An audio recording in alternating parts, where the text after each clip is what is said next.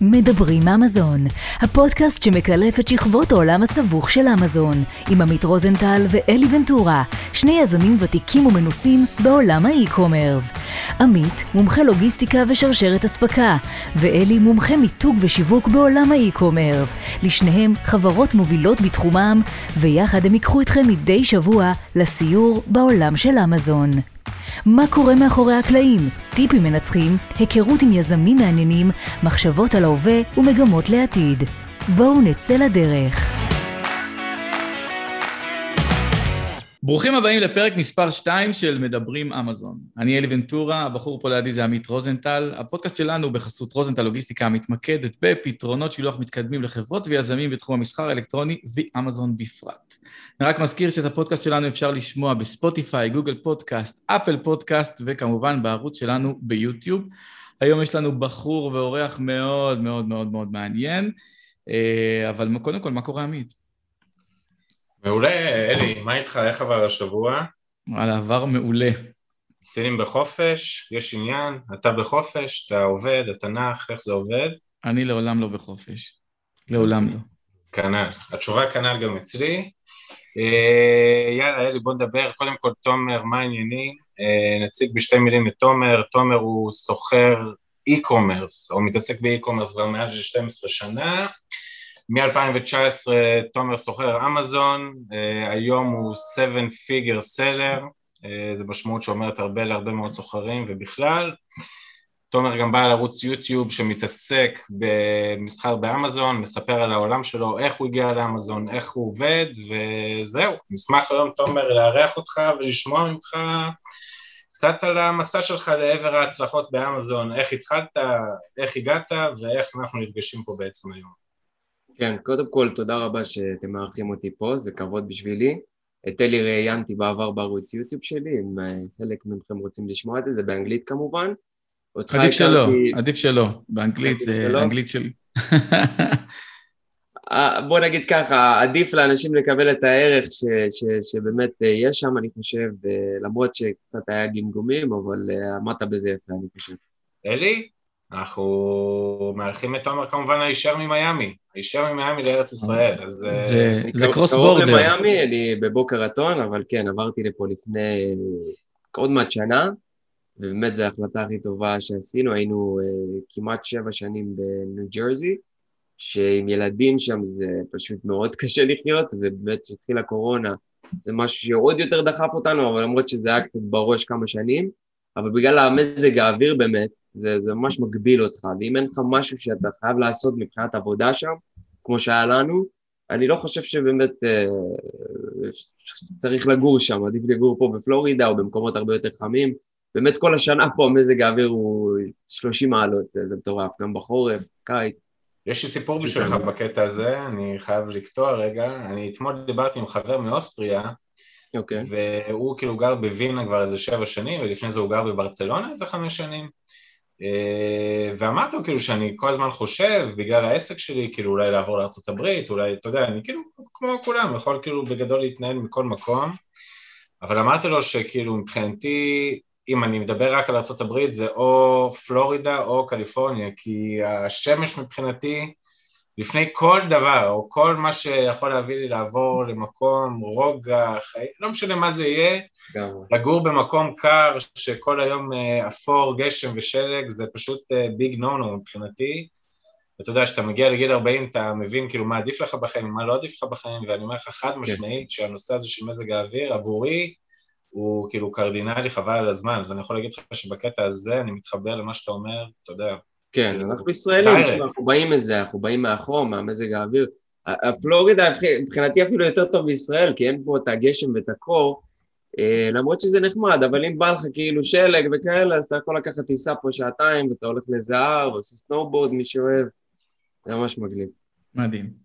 טוב, בוא נצא לדרך, אני רוצה לקחת אותך, תומר, אה, לנקודה, אפילו חצי שנה, חצי שנה לפני שנכנסת לאמזון, מה אתה עושה, מה היום-יום שלך, אנחנו כבר יודעים שאתה בניו ג'רזי. אה, בוא נתחיל כן. משם. שאלה טובה. אז חצי שנה לפני אני הייתי פשוט ברוטינה של העסק הקודם שהייתי בו, שזה אה, תכשיטים, יהלומים, היינו מייצרים אותם בעצמנו. עסק אה, שלך? אה, אני ואח שלי, זה עסק משפחתי, אח שלי התחיל את זה לפני כמעט 25 שנה, אה, ואני נכנסתי לזה לפני 12 שנה. בארץ אה, עבדתי בבורסה כמה שנים, ואז באמת כשבאה הזדמנות והשתחררתי מהצבא והייתי עוד כמה שנים בארץ, החלטתי באמת לעבור, כי לפני צבא באתי אליו לביקור פה בארצות הברית, הוא היה בניו יורק, המשרד שלו עוד, אה, ולא יודע, ה vibe, האנרגיות, מה, משהו, לא יודע, אמר לי, אני אעבור לפה, לא משנה מה. ולא קיבלתי ויזה שלוש פעמים, לא נתנו לי, עשו לי דקליין. ויזה של תייר. ויזה תייר לא קיבלתי שלוש פעמים, למרות שהראיתי להם שאני הולך לביקור, אה, לאח שלי, יש לי משפחה שם, כאילו, זה, זה טיפה יותר מורכב, אני לא אכנס לזה עכשיו למה, אבל באמת שלוש פעמים לא קיבלתי, ואני זוכר בדיוק, זה שנה, שנתיים לפני, שרציתי לעבור לארה"ב, קראתי את הספר הסוד. באמת, כל בוקר אני זוכר שבאתי והייתי אומר, אני, אני חי בארצות הברית, אני, אני, אני מגשים את החלום שלי. כאילו, באמת אמרתי לעצמי איזה סוג של מנטרה כזאת, וחזרתי אליה וכאילו ממש האמנתי בזה. אה, ואחרי שלוש פעמים אמרנו, יאללה, בוא ננסה אולי כאילו ויזת עסקים. כי עבדתי בארץ בסוג של, זה לא באמת אותו חברה, כי זה סוג של שלוחה, בארץ אתה חייב להקים גם חברה, כדי שתעבוד איתה, וזה הסוג של מסחר אה, שוטף מול החברה בארצות הברית. אז, אז הראינו שאני באמת עובד, ויצרנו ויזת אה, באמת עסקים, באמת קיבלתי, ואני לא אשכח את היום הזה, אני זוכר זה היה בתל אביב בקונסוליה, יצאתי משם למטה ורצתי, אה, קיבלתי את הוויזה. ובאמת זה היה ויזה שאתה יכול לעבור, לגור, זה כמו רזיד, כאילו כמו uh, תושב. ועברתי והתחלתי לעבוד, ובאמת כל כולי המטרה שלי הייתה לפתח את האי-קומרס, את העסק הזה, את הביזנס הזה, ולתת בראש כמה שיותר. למדתי המון המון המון דברים שם. עכשיו שם אתה, אתה בעצם, סליחה שאני קוטע, אתה חייל משוחרר, אתה רווק. אני רווק, אה, לא בדיוק, עם חברה אה, של אשתי היום, אז היינו, ובאמת נסעתי לארה"ב בלעדיה, כי היא בדיוק, היא עוד למדה באוניברסיטה, באוניברסיטת תל אביב, ואחרי חצי שנה באמת ראיתי שאני נשאר, והיא הצטרפה אליי. מדהים. כן. אז אתה מגיע לניו ג'רזי. ילדות. חכה, אנחנו נגיע להיום, כרגע אנחנו בחצי שנה לפני זה. אנחנו מגיע ניו ג'רזי, כן. מתחיל לעבוד בעסק של החברה, מתחיל להקים שם את הפעילות של האי-קומרס.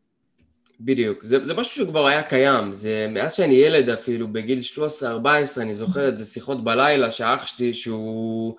אומנם הוא למד מערכות מידע ויש לו רקע במחשבים, במסדי נתונים וכאלה, אבל uh, אני תמיד בגיל קטן, תמיד במחשבים, בשרתים, אם זה ב... בגיל 12 או 13, אני חושב הקמתי את החברה הראשונה, שזה היה בעצם חברה לאחסון אתרים. אה, אנשים היו צריכים כאילו הוסטינג, והייתי, באמת קניתי סוג של אה, פלטה בחוות שרתים ב-012, של שרת ייעודי, והתחלתי לחלק אותו לחתיכות ולמכור לאנשים. ואני זוכר שאפילו הייתי הולך, הלכתי פעם אחת לחוות שרתים עם אבא שלי, והם רואים אותי כאילו, מה, מה, הוא בא איתך כאילו? חשבו אני עם אבא שלי, אבל לא, הוא בא איתי. וזה היה ממש מצחיק. אה, באותו זמן לא היה לי אפילו אפשרות לחייב את האנשים, כאילו לא היה processor כמו היום, כמו PayPal, Stripe, כל הדברים, לא, לא היה את זה, אז פשוט אנשים היו שולחים לי אה, אה, בדואר אה, כסף מזומן או צ'ק או משהו כזה, זו הייתה תקופה מצחיקה. Uh, קצת סטינו, אבל בעיקרון, חצי שנה לפני זה כבר מקום שהייתי, הרגשתי שאני רוצה לעשות שינוי אה, בתחום שאני עושה בו. כל מיני, אה, לא ויכוחים, אבל אי הסכמות ביני לבין אחי בעסק, גרמו לזה שאני הבנתי שבעצם להביא את החזון שלי לעסק זה לא יקרה כנראה. אה, אמנם לא היינו שותפים שווים, אבל אני הייתי שותף בעסק, אבל בסוף ההחלטה הייתה שלו, וזה קצת גרם לי להבין ש... מי אני, הבנתי כבר מי אני, שאני בן אדם שאני אוהב להיות דומיננטי ולקבל את ההחלטות, זה גרם לי לסוג של המון תסכולים. ברגע שהבנתי את זה, אז באמת פעלתי כדי, כדי למצוא לעצמי משהו אחר. שזה... נראה לי בעיקר, בעיקר הבנת, משפט, נראה לי בעיקר הבנת שאתה, שאתה, שאתה מעדיף שיהיה לך אח מאשר שותף. כי נראה לי אם ממשיכים לעבוד בעסק, ואולי עמית יוכל לתת על זה נקודה, אה, בעסק עם משפחה ועם אחים יכול להיות המון המון המון אינטריגות ש...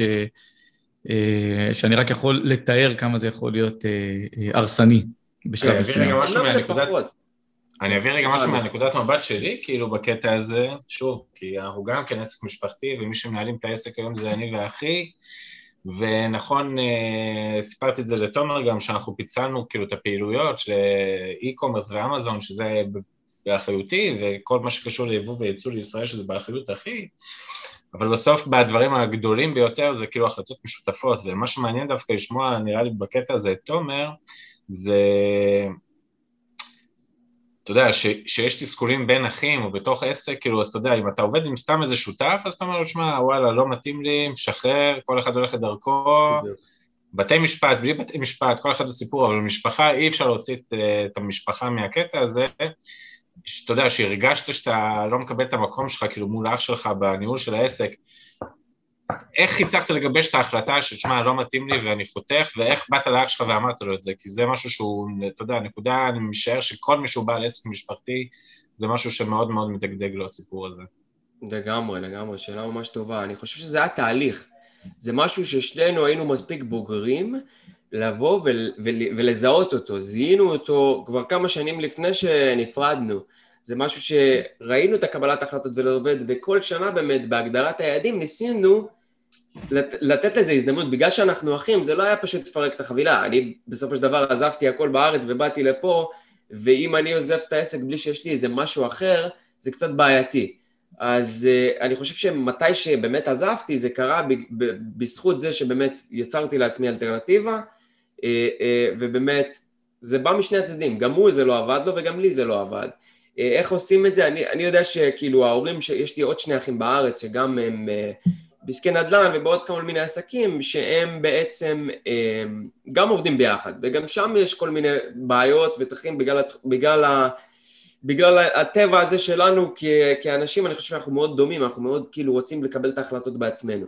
אבל איך עושים את זה? אני חושב בסוף אצלי זה כמו שאמרתי זה משהו שהתבשל כבר הרבה זמן באמת עשינו את זה בלב שלם, כאילו לא עשינו את זה בכעס, אף פעם לא הגענו למצב שאנחנו לא מדברים או בריבים כאלה, ההורים שלנו באמת אמרו לנו שמשפחה זה מעל הכל ואחים זה מעל הכל ולא משנה שום כסף בעולם, אסור לכם לריב אף פעם על דברים כאלה, יכול להיות שבלהט הרגע יש, היה ויכוחים או צעקות או דברים כאלה, וזה משהו שאחרי שנייה באמת עובר, כי אנחנו זוכרים מי אנחנו ומה אנחנו, ו, ובאמת זה לא...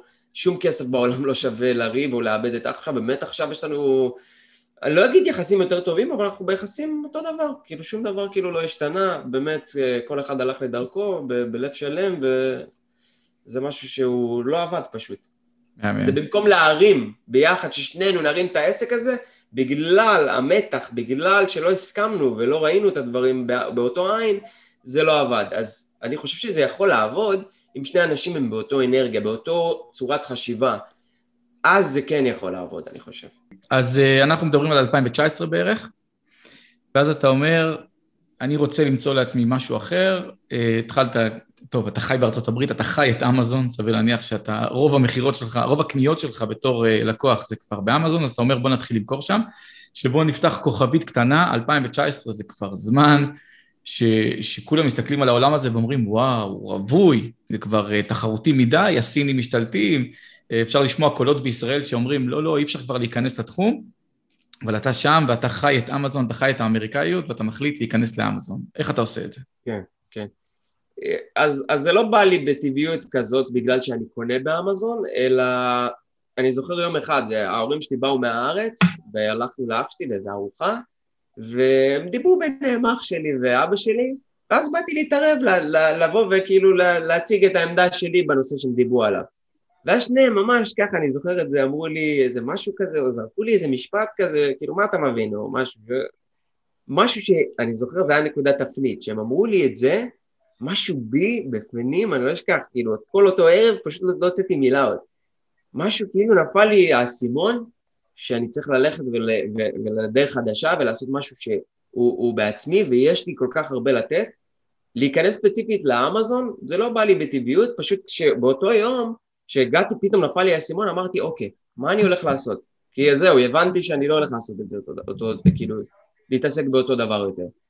ואמרתי אוקיי, עשיתי רשימה, מה אני יודע, מה אני לא יודע, מה יהיה לי יותר קל, בעיקרון רציתי להחליף את ההכנסה שלי ולעשות יותר אה, במינימום מאמץ, לא רציתי ללכת למשהו שהוא יכול להיות שלאנשים אחרים הוא יעבוד יותר טוב בגלל שיש להם יכולות מסוימות, אז באמת ישבתי חודשיים או חודש וחצי רק לריסרצ' רק למחקר לאיפה אני הולך לעשות, אולי כדאי לי לעשות אמזון, אולי כדאי לי לעשות uh, שיווק שותפים, אולי כדאי לי... בדקתי כל מיני תחומים, אבל באמת ההתלבטות הייתה בין שיווק שותפים, שזה קידום אתרים בגוגל, ועל ידי זה שאתה מקדם את האתרים האלה בגוגל, אתה יוצר כל מיני הכנסות מפרסומות ומהצעות של שיווק שותפים שקשורות לתוכן שאתה מייצר, או את אמזון.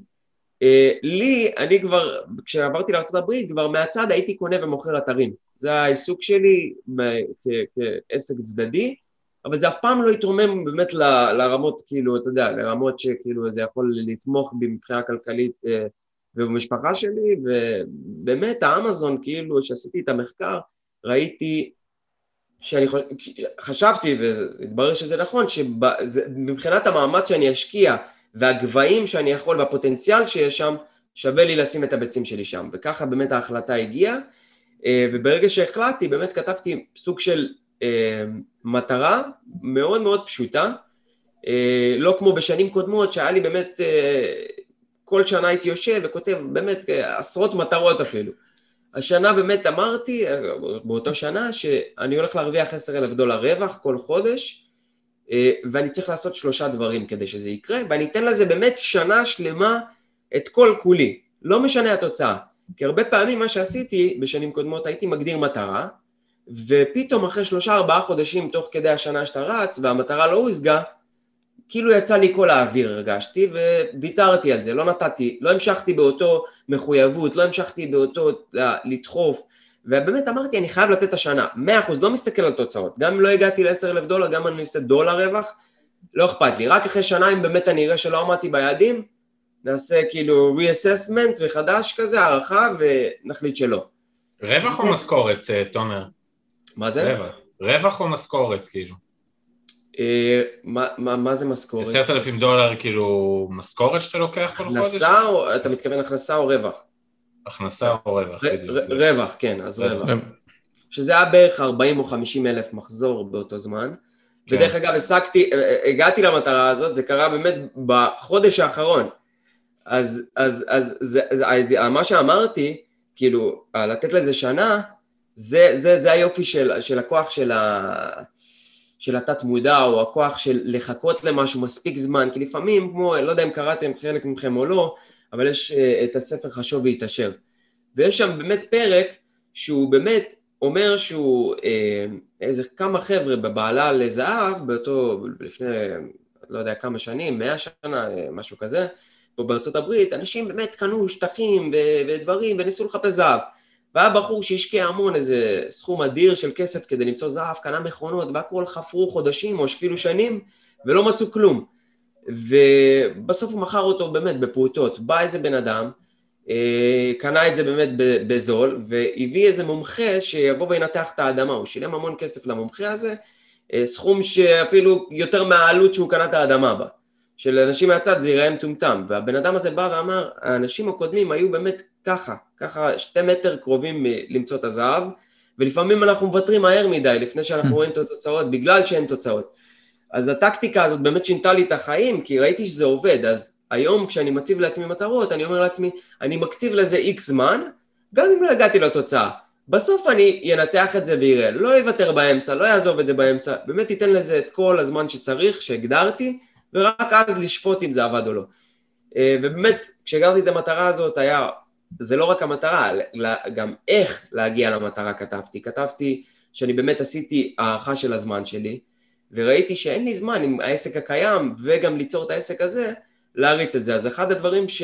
או הזמן שמצאתי בו הוא להתעורר באמת בארבע עד שבע, שלוש שעות ביום, לעבוד על העסק הזה. ארבע בבוקר. בהתחלה זה היה קשה, אבל בגלל שהייתי כל כך חדור, זה לא הרגיש לי קשה, כי באמת רציתי את השינוי הזה. ברגע שאתה בוער בך משהו ואתה רוצה את השינוי, אז הדברים נראים קלים יותר. ברגע שאתה לא באמת רוצה משהו, או שתוותר מהר מדי, או, ש, או שלא תעשה את מה שצריך לעשות, או שפשוט זה, זה לא יעבוד, משהו שם באנרגיה לא לא יעבוד, אז אני תמיד אומר לאנשים, אם אתה לא רוצה משהו מספיק חזק, רוב הסיכויים שלא תשיג אותו. כשאתה לא תעשה את ה extra mile, וכשתיתקע, לא תוכל כאילו להתקדם, ולא תדע מה לעשות, אז... לי זה... אני זוכר את ה... בהיכרות הראשונה שלי עם תומר, אה, יצא לנו להתכתב לא מעט בתחום של אה, מימון וזה, לא משנה, היינו איזה פרויקט משותף ביחד, והייתי שולח לו מייל, עכשיו אני יודע שהוא יענה לי אחרי הצהריים, והוא עונה לי ב-12, 1, שעון ישראל, ואני אומר לו, מה אתה עושה ער? מה אתה עושה ער בשעה הזאת? ואז כן. דרכו, אגב, התחלתי ללמוד על השעה הזאת. זאת אומרת, אני רגיל לקום מוקדם, ו- וטוב לי לקום מוקדם והכל, אבל אחרי השיחות ש- שהיו עם תומר, אמרתי, בואנה, אני קם מאוחר. וכיוונתי את השעון שלי חצי שעה אחורה. אני מעכשיו כל יום קם בשש בבוקר בגללך, תומר. אני הייתי קם בשש וחצי, אני קם בשש בבוקר. בוא אני אספר לך סיפור. אתה רוצה לשמוע סיפור? נו. יש, אתה יודע, Navy SEALs, כאילו, שזה היחידת marine של, ה, של הצבא האמריקאי, כאילו מדברים כל הזמן, אם תסתכלו ביוטיוב, כל הזמן יש כל מיני סרטונים כאלה של למה צריך לקום בארבע וחצי בבוקר, או למה חשוב לקום בארבע וחצי בבוקר. אז הם גם מדברים קודם כל על mindset, שברגע שקשה לך ואתה צריך לעשות משהו כנגד כוחך, אז זה בונה אותך אחר כך להמשך היום בקטע של המשמעת, אחד. כן. ושתיים אומרים שבארבע וחצי בבוקר, ועכשיו בוא ניקח שעון ישראל או שעון ארה"ב, זה לא משנה, אבל כל אחד בארבע וחצי בבוקר שלו, והם אומרים שבארבע וחצי הבוקר לא יהיה לך מייל מאף אחד, אף אחד לא יתקשר, אתה לא תכתוב מייל ובאמצע היום מישהו יסמס לך, זאת אומרת זה זמן שיש לך נטו, אם אתה רוצה לעבוד, אתה רוצה להתאמן, אתה רוצה, לא משנה מה אתה רוצה, אבל זה שעה, שעה וחצי, ש... שעתיים, שאף אחד לא ידבר איתך, וזה הזמן הכי טוב כאילו להתרכז בעצמך, ועל כן אני אגיד שזה מומלץ לכולם, תנסו את זה. זאת אומרת, אני לא יודע אם בארבע וחצי, אבל אני יכול להגיד לך, אדי, שאני קם בטבעי כבר, חמש ורבע, חמש וחצי כל יום, מדהים. אה, אני, אני אישית אוהב לשכב על הספה, אתה יודע, לראות קצת יוטיוב וכאלה, כל אחד שימצא את מה שהוא אוהב, אבל זה חד משמעית, זה תורם לנפש, ללונג רן, בטירוף. כאילו. לגמרי, אני מסכים איתך, כי זה, זה הקטע הזה של לקום בבוקר, את, אני, אני ראיתי מה אני מספיק בשלוש שעות, מה שלא הספקתי ביום עבודה שלם. ואני, ברגע שקלטתי מהקטע הזה של החשיבות, זה גם שינה לי את החשיבה על היום-יום בכלל, כי הבנתי מה זה ערך של הסחות דעת. פתאום אני שומר על זה בצורה כאילו דתית, על ה-distraction שלי, אם זה הטלפון, או אם זה אנשים שמפריעים לי, או פתאום, אני, אני משתדל, כאילו, התקשרו אליי במהלך היום ואני עובד, אני לא עונה לאנשים, כי אני יודע שזה ייקח מעצמי פוקוס, זה, זה, זה, זה יסיח את דעתי, ו, ואני אהיה פחות פרודקטיבי, אבל כשאתה בבוקר, אתה פשוט, אין, יש את השקט הזה. יש את הזמן הזה שבסגנון חיים המודרני שלנו היום, אנחנו לא מוצאים אותו יותר. אין, אין כאילו רגע דל שאתה יכול להיות ככה רגוע או בלי הסחות דעת ורק לעבוד, והפרודקטיביות בשלוש שעות האלה שאני זוכר שעשיתי, הייתה מטורפת, באמת, זה מטורף. אז אתה מחליט שאתה רוצה להיכנס לאמזון, בוא, אני, אני מחזיר אותך רגע לנקודה, אתה, אתה לוקח קורס, אתה לוקח איזה ליווי, או איך אתה נכנס לעולם הזה? כן, אז בהתחלה התחלתי, אה, הורדתי איזה קורס של איזה מישהו שהוא עשה, שכחתי את השם שלו, חושב דרק סטרוגל, זה בן אדם שהתחיל ביוטיוב, הוא היה מראה לאנשים איך למכור, ובאמת איזה חבר שהוריד את זה, או הביאו לי את זה בחינם. באמת צפיתי בקורס, והחלטתי שאני מוכן לעשות באמת אה, אמזון. אמ, הבאתי מוצר, שהוא, אה, איך זה אומרים, כאילו קישוטים למסיבה, קישוטים למסיבות יום הולדת וכאלה. זה היה מאוד מאוד תחרותי. כן, שים לב שזה... זה מתחיל להיות מוטיב חוזר בפודקאסטים שלנו, הפארטי דקוריישן. נראה מה היה... אה, זה משהו שמישהו כבר אה, גם עשה בעבר? תשמע, זה כולה פודקאסט שני, אבל בראשון גם כן דיברו איתנו על זה, אז כן. כן? מצחיק, צירוף מקרים. אז באמת הבאתי את המוצר הזה, והוא נכשל, ובגלל שהיה לי רקע ב-PPC, בגלל שהתעסקתי בזה באמת כל יום, כל היום, כמה שנים טובות לאחור, אז איכשהו הצלחתי לאזן את זה, אבל זה לא היה זה, המוצר לא היה טוב. כשאנחנו יודעים את זה היום, כשיש לך מוצר לא טוב, לא משנה כמה מומחה אתה ב-PPC, זה לא יעזור, המוצר הוא לא טוב, הוא לא קונברטינג, ואז אמזון רואה את זה, ולאט לאט מתחילים להעיף אותך אחורה. וזה מה שקרה באמת, ובאמת הפסדתי ארבע או חמש, לא זוכר, משהו בסגנון של ארבע או חמש אלף דולר, אה, ובאמת זה הוריד לי, זה הוריד לי ממש הרבה מהאוויר, ועצרתי חודש ואפילו חשבתי לוותר על זה. אה, ו... ואז אני לא אשכח, היה איזה יום שישי אחד וראיתי סרטון של מישהו ביוטיוב שקוראים לו יניב, אה, שהוא יהודי, גם הוא מקנדה, הוא נולד בארץ, הוא ישראלי האמת, והוא עבר בגיל קטן מאוד לקנדה, ומשהו, משהו שהוא הראה שם תפסתי באמת את העין, התחלתי באותו רגע ממש לצפות באיזה עשר סרטונים רצוף כמה שעות, שלו, ולאט לאט התחלתי לצפות כל יום בעוד ועוד, כאילו שוב חזר לי הרעב והאמונה שאולי צריך לעשות שוב, ואיכשהו יצרתי איתו קשר ואמרתי לו לא, לא אכפת לי כאילו, אני עשיתי טעות, אני רוצה פעם ללמוד ממישהו שעשה את זה והצליח, ושיהיה לי מי לדבר במקרה שאני, יש לי איזה שאלה או משהו, בוא, בוא תהיה המנטור שלי. הוא אמר לי, תשמע, אין לי קורס, אין לי שום דבר שאני מוכר, אבל בוא נעשה כזה דיל, תשלח לי 500 דולר, וכל פעם שיהיה לך שאלות אתה יכול לשלוח לי במסנג'ר בפייסבוק, כמה שאתה רוצה, ללא הגבלה. שלחתי לו את זה באמת בעניין של שניות, שלחתי לו את ה-500 דולר, והתחלתי לעבוד על המוצר השני, ככה בעצם אה, התחלתי באמזון, והמוצר השני באמת הייתה, היה הצלחה, אני זוכר שמאוד פחדתי לתת לזה עוד צ'אנס, ואמרתי לאשתי, מה, שווה להשקיע עוד... Uh, שש, שבע אלף דולר, זה באמת הסכום שהייתי צריך להשקיע, לא יודע אם זה יעבוד, זה היה, זה היה ממש קשה, באמת זה היה הבדל או לפה או לפה, ושמח שהחלטתי ללכת על זה, וזה עבד. ועד עכשיו בעצם אתה, אז באותה נקודה אתה גדל אך ורק ב, מהכסף שלך. זאת אומרת, מהרווחים שלך, מההון שלך, אתה משקיע אותו בעסק וגודל מחודש לחודש.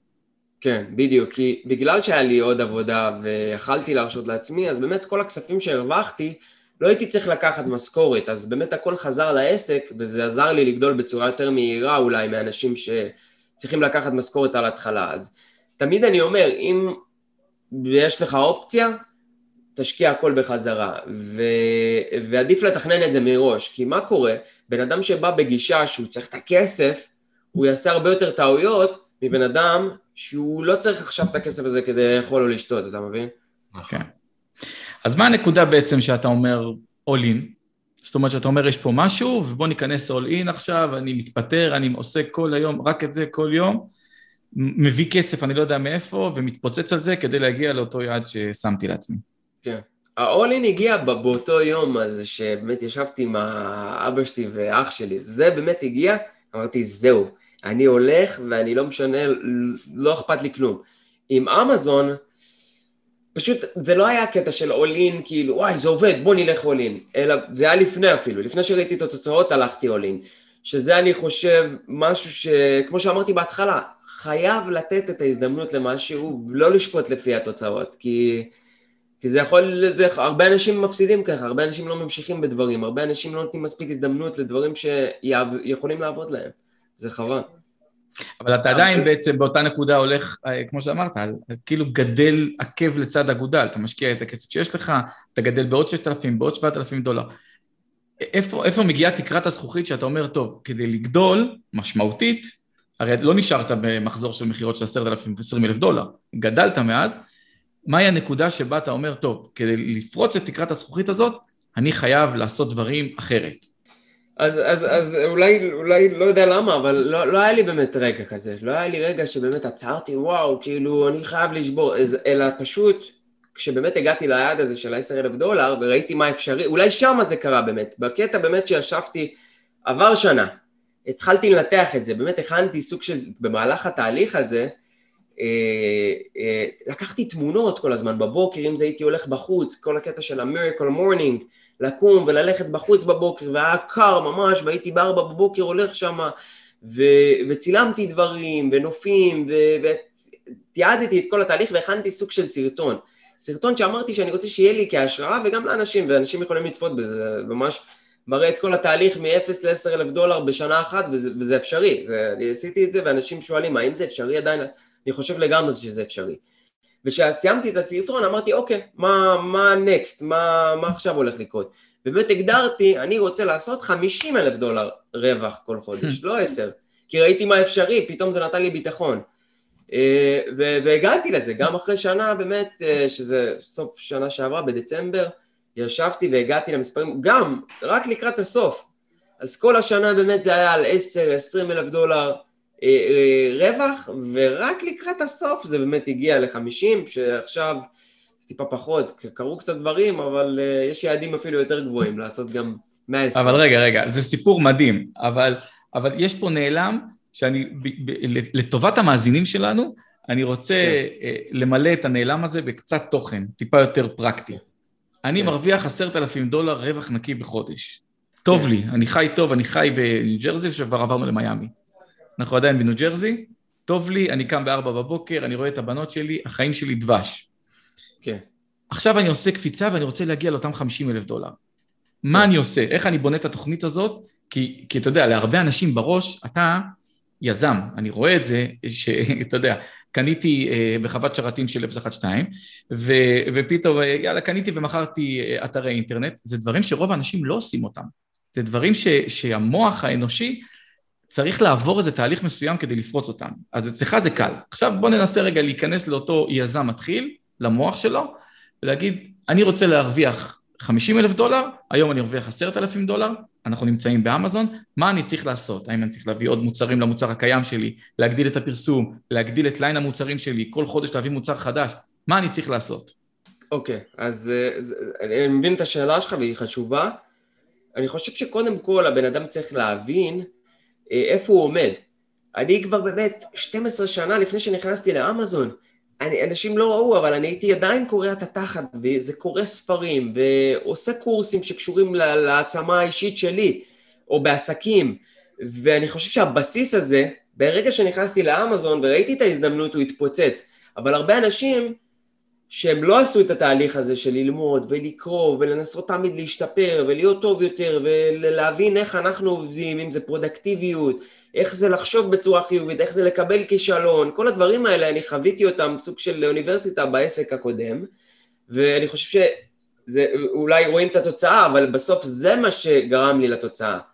אה, אז אני ממליץ לבן אדם שהוא רק מתחיל ואין לו את הרקע הזה, להשקיע בעצמו, או להתחבר כדי להגיע לתוצאות הגבוהות או למספרים שהוא רוצה, לאנשים שכבר עשו את זה, זה הדרך המהירה ביותר שהוא יכול להגיע לשם. אז מה זה אומר?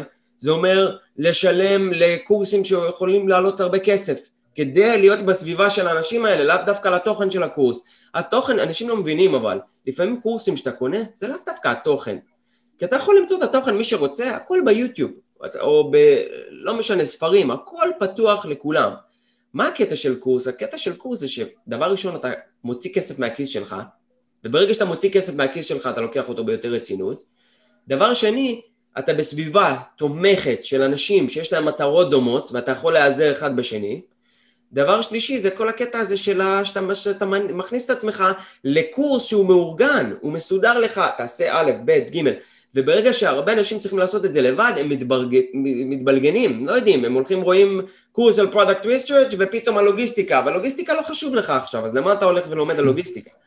אז זה, זה, ה benefit, זה היתרונות, אני חושב, ב, בלשלם לקורס. אז אני הייתי ממליץ באמת לבן אדם שכבר מוכר בהתחלה והולך לו, זה להשקיע בעצמו לאו דווקא בקטע של לימוד של אמזון, אולי בקטע של לימוד על אה, פיננסים, איך לנהל את התזרים אה, מזומנים בצורה יותר טובה, או איך להבין את הלוגיסטיקה, או להתקדם ושיהיה לו בסיס טוב בשאר הדברים, ורק אז להתרומם. וכמובן מוטיבציה. אני רוצה לשאול אותך שאלה, תומר, ואני, אין לי, אני, אם אתה שואל אותי, יש פה שתי דברים שתומר מדבר עליהם והרבה. אחד, לפני הכל, קל מאוד לזהות שהבן אדם הוא יזם, אתה יודע למה? כי האש שבוערת בתומר היא מתפוצצת פה מהמסך, בדברים שהוא מתעסק בהם, ואני חושב שזה בעיניי האלף-בית של ההבדל בין יזם לשכיר, כי בסוף יזם קם עם הצרות והולך לישון עם הצרות. ואם אין לך את האש הזאת, בוערת בך, אתה לעולם לא תצליח לעבור את המכשולים שקיים לכל יזם עצמאי או בעל עסק, זה אחד. ודבר שני, אתה אומר, ואני דווקא רוצה לשים דגש על זה, ואני חייב להגיד שיש הרבה מאוד מהדברים שאתה אומר, ברמה שפעם והיית, נגיד היית מנסה לעשות משהו לא מצליח, היית מוותר, היית, אני מאוד יכול להתחבר לזה בהרבה מאוד דברים, ו... אתה דיברת הרבה על ה mindset הזה של כאילו להיות, אה, שאתה בונה לעצמך אה, נקודות ציון או הצלחות או goals, בסדר, מטרות מסוימות כאילו לאורך הדרך. אני יכול להגיד לך מהצד שלי שכאילו שאני מציב לעצמי מטרות, בדרך כלל המטרות האלה הן לרוב מטרות עסקיות בכסף, ואני מנסה תמיד להציב לעצמי מטרות שהן ריאליות. זאת אומרת, אם היום אתה, לא יודע, אתה עושה מחזור של עשרת אלפים, או חמישים אלף דולר, לא הגיוני לבנות כאילו, להגיד, טוב, אני רוצה לעשות תוך שנה חמש מאות אלף דולר, כי, נכון. כי אתה לא תגיע לשם ואתה תתבאס בדרך.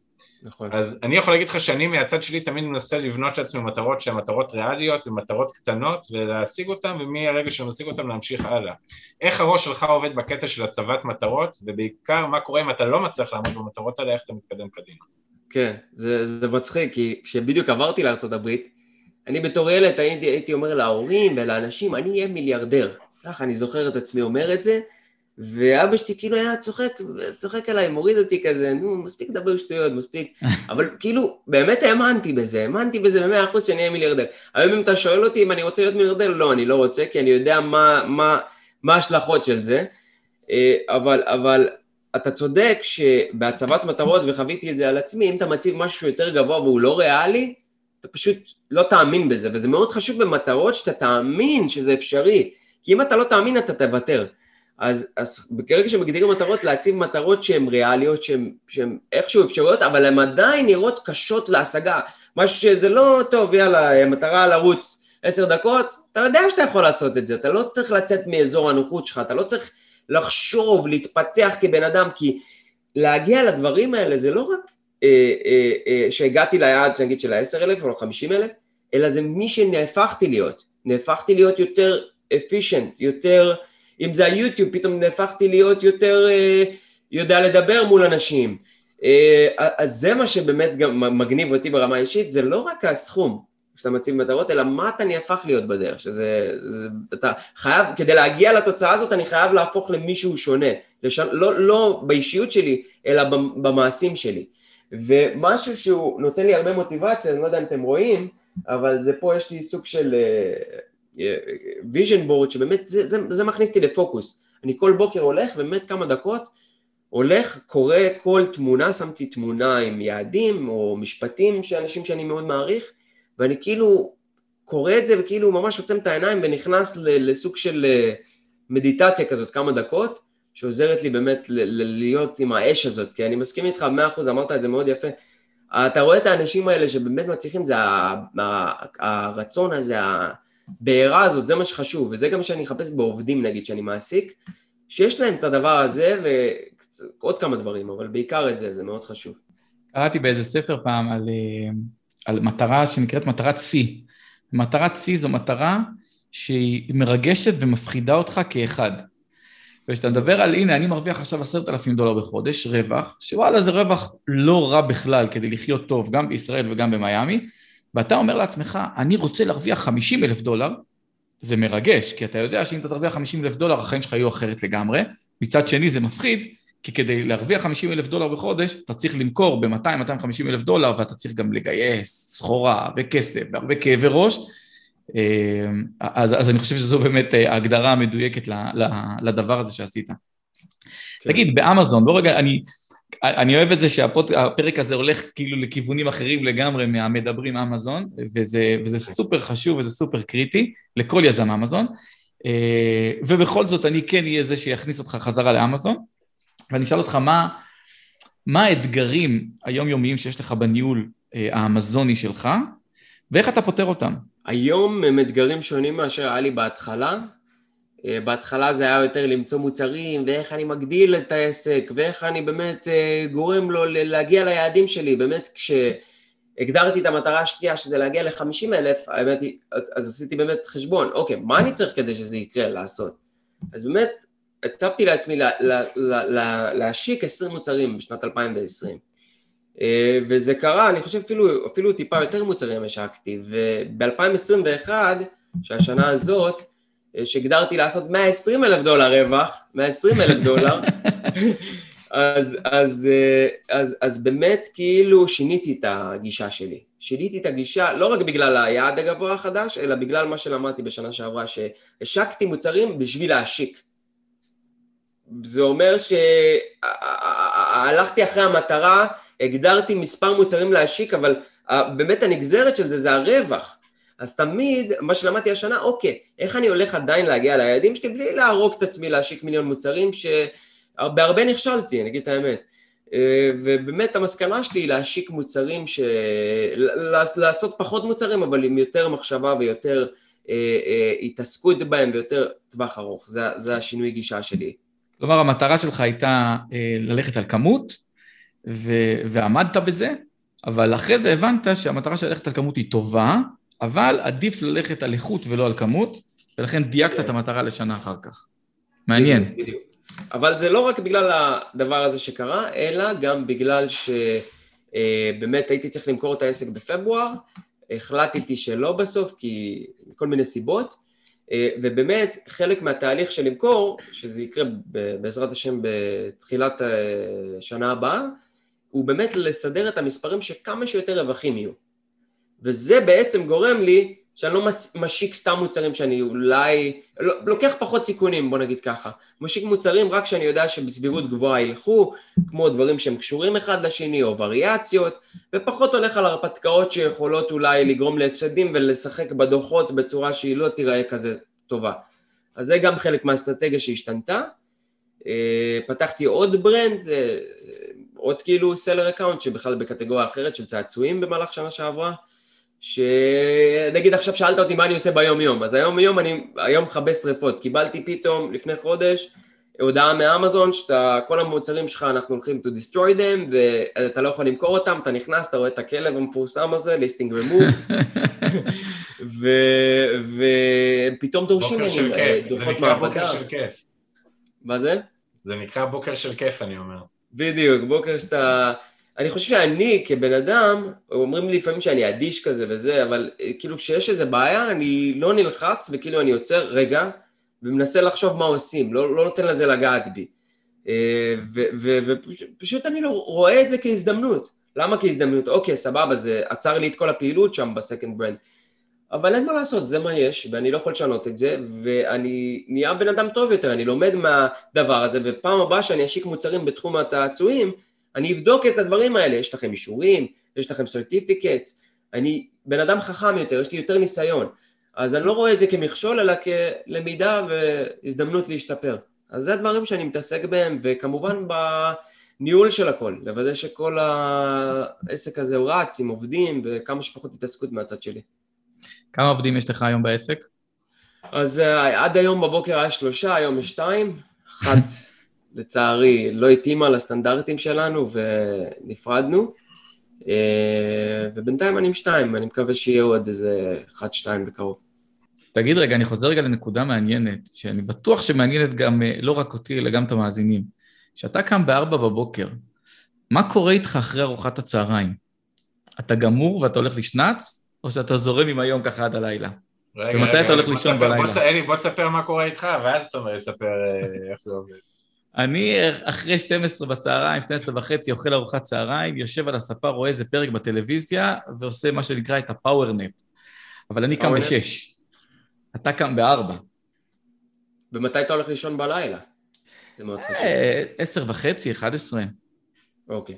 אז כמובן כל בן אדם הוא שונה, אז ברגע שמחליטים לעשות את התהליך הזה, מאוד חשוב שזה לא יבוא על חשבון הזמן השינה, כי מה קורה? הרבה אנשים הם באמת קוראים את הספר הזה, לא יודע אם אה, אמרנו עליו, הם קוראים לו אה, Miracle Morning, בעברית, אה, איך קוראים לו, אלי? בוקר קסום. באמת קוראים לו בוקר קסום? ככה תרגמו אותו? אני אוהב את התרגומים, גם של סרטים וגם של ספרים בארץ. קראתי אותו באנגלית, The Miracle Morning. כן. אז, אז, אז אנשים באמת משתמשים בכוח הרצון שלהם להתעורר מוקדם, אבל הם לא ישנים מספיק. ואז זה לא משהו שהוא יכול להחזיק לאורך זמן, אז מאוד חשוב אם עושים את זה, לישון מספיק, לישון את השמונה שעות. לי, אם אני לא ישן שמונה שעות, אני לא מאה אחוז במהלך היום. אז באמת זה הכריח אותי לישון מוקדם, הייתי הולך לישון בשמונה, אנשים כאילו הסתכלו עליי, אשתי, כאילו, אנשים, מה, מה, מה קורה איתך, אתה בסדר? כמו משוגע. עם יד על הלב עכשיו, מאז שעברתי לפלורידה, עשרה חודשים, הפסקתי להתעורר בארבע בבוקר, זה היה מצורך מסוים שהיה לי באותו זמן, זה, הייתי מוכרח, ועכשיו אני לוקח את הדברים יותר באיזי, גם לקראת שש, עכשיו דווקא ספציפית בתקופה הזאת, בגלל שיש לי כל מיני דברים מאוד חשובים להספיק, אני כן הולך לחזור לארבע בבוקר, וזה סוג של כלי, ברגע שאתה צריך להספיק יותר בחיים, אתה יכול לבוא ולהתעורר מוקדם, וברגע שלא, ואתה יכול לקחת את הדברים ביותר רגוע, כי זה העיסוק שלי, אין לי עוד דברים אחרים, אז לקחתי, הורדתי קצת רגל מהגז בנושא הזה. בפלורידה יש מקומות מסוימים שאוכלים ארוחת ערב בארבע וחצי אחרי הצהריים, זה, זה רק תלוי איפה אתה. בבוקה ויסטה. הכל נסגר פה מוקדם. כן, כן, הכל פה רגוע יותר, אה, נסגר מאוחר, אנשים יותר עצלנים, יותר רגועים. מגניב. תומר, אנחנו uh, מתקרבים לסיום, ואני רוצה לשאול אותך שאלה שאנחנו שואלים כל uh, אורח אצלנו, ו... ואני לא הכנתי אותך את השאלה הזאת מראש, ואתה גם אפילו לא יודע, כי עוד לא שמעת את הפודקאסט שלנו, כי הוא עוד לא עלה לאוויר. אז אם היית זוכה מחר בעשרה מיליון דולר, אוקיי. מה היית עושה איתם? עשרה מיליון דולר, שאלה כן. טובה. אז בגלל שאני אמרתי לכם שאני בתהליך של המכירה, ובאמת ברגע האחרון של המכירה של העסק אה, יצאתי מהעסקה הזאת, אז כבר כל הגלגלים שלי התחילו לעבוד על מה אני עושה עם הכסף. אז דבר ראשון שעולה לי לראש זה באמת, אני אעשה כמה השקעות, אני אקנה כמה אתרים או שירותים גדולים, שייתנו לי הכנסה פסיבית יפה, יותר מעל מה שאני מבזבז, אה, ואז בעצם אתחיל להשקיע את הדברים אה, בתחומים שאני מתחבר להם. היוטיוב זה משהו שגיליתי, עשיתי את זה כמשהו מהצד, באמת גיליתי, זה עושה לי ממש טוב לראות את כל התגובות ולעזור לאנשים, גם אם זה בלי כסף, לעז... כי אני גם עזרו לי אנשים, וזה ממש בא בטבעיות כאילו לעזור לאחרים גם, וזה ממש ממלא, אז להתעסק בדברים האלה ולמצוא את ההרפתקה הבאה שלי, כאילו להתחיל באיזה עסק או משהו חדש, כי זה לא עכשיו שאני, אין לי עשר מיליון דולר ואני אשב כאילו ולא אעשה כלום, זה, זה... יש איזשהו שלב שאתה כבר, אתה עושה את זה בשביל ה... אתה, הרי לעשות מספיק כסף כדי לחיות טוב, אני חושב שאם יש לך מספיק רצון וטיפה שכל, זה לא כזה קשה. ואז מגיע השלב שאתה עושה את זה כבר בשביל מה שזה נותן לך בפנים, כאילו, את הסיפוק הזה. אז כן, למצוא איזה משהו אחר וחדש. כמה אחוז מה, מהסכום הזה אתה שם על אה, אמזון, על התחלה חדשה באמזון? לא צריך הרבה, כמה מאות אלפים, לא... כי אני תמיד אוהב להתחיל קטן, ואז כשזה עובד, לתת. אז uh, לא סכום גדול, כאילו להשיק כמה מוצרים, כמה עשרות אלפים, ו... ופשוט להתגלגל עם זה. ואז אתה רואה שזה עובד, אז אולי כן לקחת את הסכום כסף גדול, וכבר מהניסיון לבנות עם זה עם עובדים להשקיע, ומההתחלה כבר כמו שצריך, כאילו, by the book. מדהים. לא יודע למה, אבל אני שומע אה, גם אלה, אני מפנה את זה גם לך אלי וגם לתומר, אני שומע הרבה מאוד אנשים בזמן האחרון שמנסים לברוח מהעסק הזה, אם זה מכירה, שזה ברור מה הבנפיט מאחורי זה, אבל כאילו בכללי, כאילו... הרבה, לא יודע למה הרבה אני שומע שכאילו אומרים לי שהם מחפשים את הדבר הבא, שאמזון כאילו הספיק להם ומחפשים את הדבר הבא. למה זה כאילו? מה... לא במקרה שלי, אני רואה את עצמי עושה אמזון הרבה שנים קדימה, זה, זה לא, אני לא מוותר על אמזון, אבל בנקודה שאני נמצא בה עכשיו, אני חושב שאם יהיה לי מעל, אני אמכור את זה במעל מיליון דולר או אפילו שתיים, זה כן יכול לתת לי אה, יותר ביטחון מאשר שבלי אני אעשה את זה. אז היום הכל יפה ונחמד, 50 אלף דולר רווח, בסוף זה מספרים במחשב. אתה לא רואה את זה בגלל שלתמוך בכזה עסק אתה חייב להשקיע בחזרה הרבה כסף. כמובן שהסגנון חיים שלי השתנה, אבל יש הבדל בין לעשות את זה ובסוף לראות בפועל שאתה מושך 10-15 אלף דולר מאשר לקבל אה, מכה של 2 מיליון או מיליון וחצי ולהתגלגל משם. כשאתה מתגלגל, ואז אני עדיין אמשיך באמזון, אבל יוכל לעשות את הדברים בצורה יותר נכונה אולי, או בפחות אה, לחץ. זה הסיבה. זה, ואם אתה שואל אותי, בן אדם שרק מתחיל, או חברת השקעות, אין להם שום סיבה למכור. אלא רק למקסם ולהגדיל את העסק הזה. אז זה תלוי באמת איפה הבן אדם נמצא בחיים. אני אתן לך את הנקודת מבט שלי אה, לעניין הזה. אני חושב שכרגע, ותומר, תקן אותי אם אני טועה, יש בחצי שנה, אפילו בשנה האחרונה, יש הייפ מאוד מאוד גדול סביב המון חברות השקעות, אם זה Thrasio או, או Perch, כל מיני חברות שנכנסו ופשוט קונים חשבונות אמזון. והרבה חבר'ה, seller ים שהם מוכרים יפה, בוא נגיד 6 figure, 7 figures, אומרים, רגע, אולי זה הזמן שלי לממש, אולי בעוד שנתיים, בעוד שלוש שנים, כבר אף אחד לא ירצה לקנות, ואז אני תקוע עם עסק שאומנם מניב לי כסף, אבל בלי, האופציה, בלי האופציה לממש אותו. נכון, אז אולי זאת הסיבה ששומעים כזה הרבה אנשים ברקע שאומרים, יאללה, אני רוצה למכור, אני רוצה למכור. אני חייב להגיד שאני קצת הייתי כאילו מתבאס, זאת אומרת, לפי הסיפורים שלכם, כי אתם יודעים הרי שאני לא סלר ולא הייתי סלר, אבל כאילו אני הייתי קצת מתבאס נראה לי, אם אני משקיע כל כך הרבה זמן, כסף, אנרגיה בעסק, כאילו למכור אותו ככה אחרי שנתיים שלוש וכאילו לשחרר את זה, לא יודע, לי, לי, עמית, רוזנטל, זה כאילו יכול, זה... כי זה שונה, עמית, זה שונה מה שאתה עושה, מה שאנחנו מפתחים פה, כל מה שאנחנו השקענו, זה לא הלך לפח, כי הקמתי ברנד חדש וזה עובד את אותו דבר. כן. אז זה לא עכשיו, כל הסיסטמים והמערכות שבניתי לא הולכות לפח, כאילו אני מתחיל עסק חדש לגמרי. זה עכשיו אם אתה תמכור את העסק של הלוגיסטיקה, אתה יכול מחר לפתוח עוד לוגיסטיקה, ויש לך את הידע, וכל מה שהשקעת הוא לא הלך לפח. אתה נכון, מבין? נכון. אז כן. זה ככה אני חושב שאנחנו מסתכלים על זה, אין לי שום אה, רגש למוצר ספציפי זה כזה, אני חושב שזה טעות שאנשים כאילו נקשרים לדברים אה, ברמה אישית, אבל, אבל זה הצורת, כן, אני חושב שזה מה ששונה מאשר עסק אחר, נכון אלי? כי זה מאוד קל לעשות את זה מחדש מחר. נכון, אז להבדיל ממך, אני מחובר מאוד רגשית למותג שלי, וזה טעות וזה תקלה, ואני בתהליך נפשי לשחרר אותו, כי המטרה שלי זה למכור אותו ב, ב, בתחילת 2022, אה, אה, כאשר גם עכשיו, אתה יודע, יש לי כבר, יש לי מימון, ואני מגדיל את המימון, ואני אומר, רגע, אבל אני יכול להגיע ל-8 figures עכשיו עם, ה, עם המימון שיש לי, אז למה למכור? וזו שאלה שתמיד אה, מסתובבת ככה בראש. אבל, אה, אבל כן, כמו שתומר אמר, הרעיון הוא, ואהבתי מאוד את החשיבה, לפזר, לקנות כאלה דברים של הכנסה פסיבית, ולהשקיע אולי בנדל"ן, ולהשקיע בהמון המון דברים, שבסופו של דבר ייקחו את הכסף הזה ויעשו אותו הרבה הרבה יותר גדול, בזמן קצר, וגם ייתנו, אתה יודע, אומרים ששולחן לא יכול לעמוד על רגל אחת, כי ברגע שהרגל נשברת אז השולחן נופל, הוא צריך לעמוד על כמה וכמה רגליים, ולבנות בעצם את היציבות הזאת של עצמך בתור יזם, בתור בעל עסק. מהמם. חברים, היה מאוד מאוד מאוד מסקרן היום. תומר, תודה רבה שהקדשת לנו. מה שהיה אצלך עכשיו? לא ארבע בבוקר, נכון? נראה כבר אור שמש מבחוץ. עכשיו 11, אה, ועכשיו אני מתחיל לעבוד על כל מיני דברים, אבל אה, לגמרי נהניתי, זה עבר כאילו זה היה חמש דקות, אני יכול לדבר על הדברים האלה אה, גם שעות. אני חושב שזה מה שאני שם עליו המון דגש ביוטיוב צ'אנל, בערוץ של היוטיוב. זה לא האיך למכור באמזון, זה רוב, הרוב של האנשים יודעים מה צריך לעשות, זה מה שעובד לך בראש וזה יגרום להצלחה או לא. זה במשפט אחד תסכם את זה. האמת שאני מאה אחוז מסכים לדבר הזה, אפשר לפרק את זה לאלף ואחד גורמים של האם להשקיע יותר ב-PPC, האם לקנות עוד סחורה, אבל כן, הכל מתחיל ונגמר ב-state of mind בסופו של יום. לגמרי. אז אה, תודה רבה. מזכיר לכם שאת הפודקאסט אפשר לשמוע ב Apple Podcast, Google Podcast, Spotify ובעמוד יוטיוב שלנו, ולא לשכוח לעשות את הפעמון הזה כדי לקבל תזכורות, ונתראה בפרק הבא. תודה, תומר, תודה רבה לכולם. תודה לכם.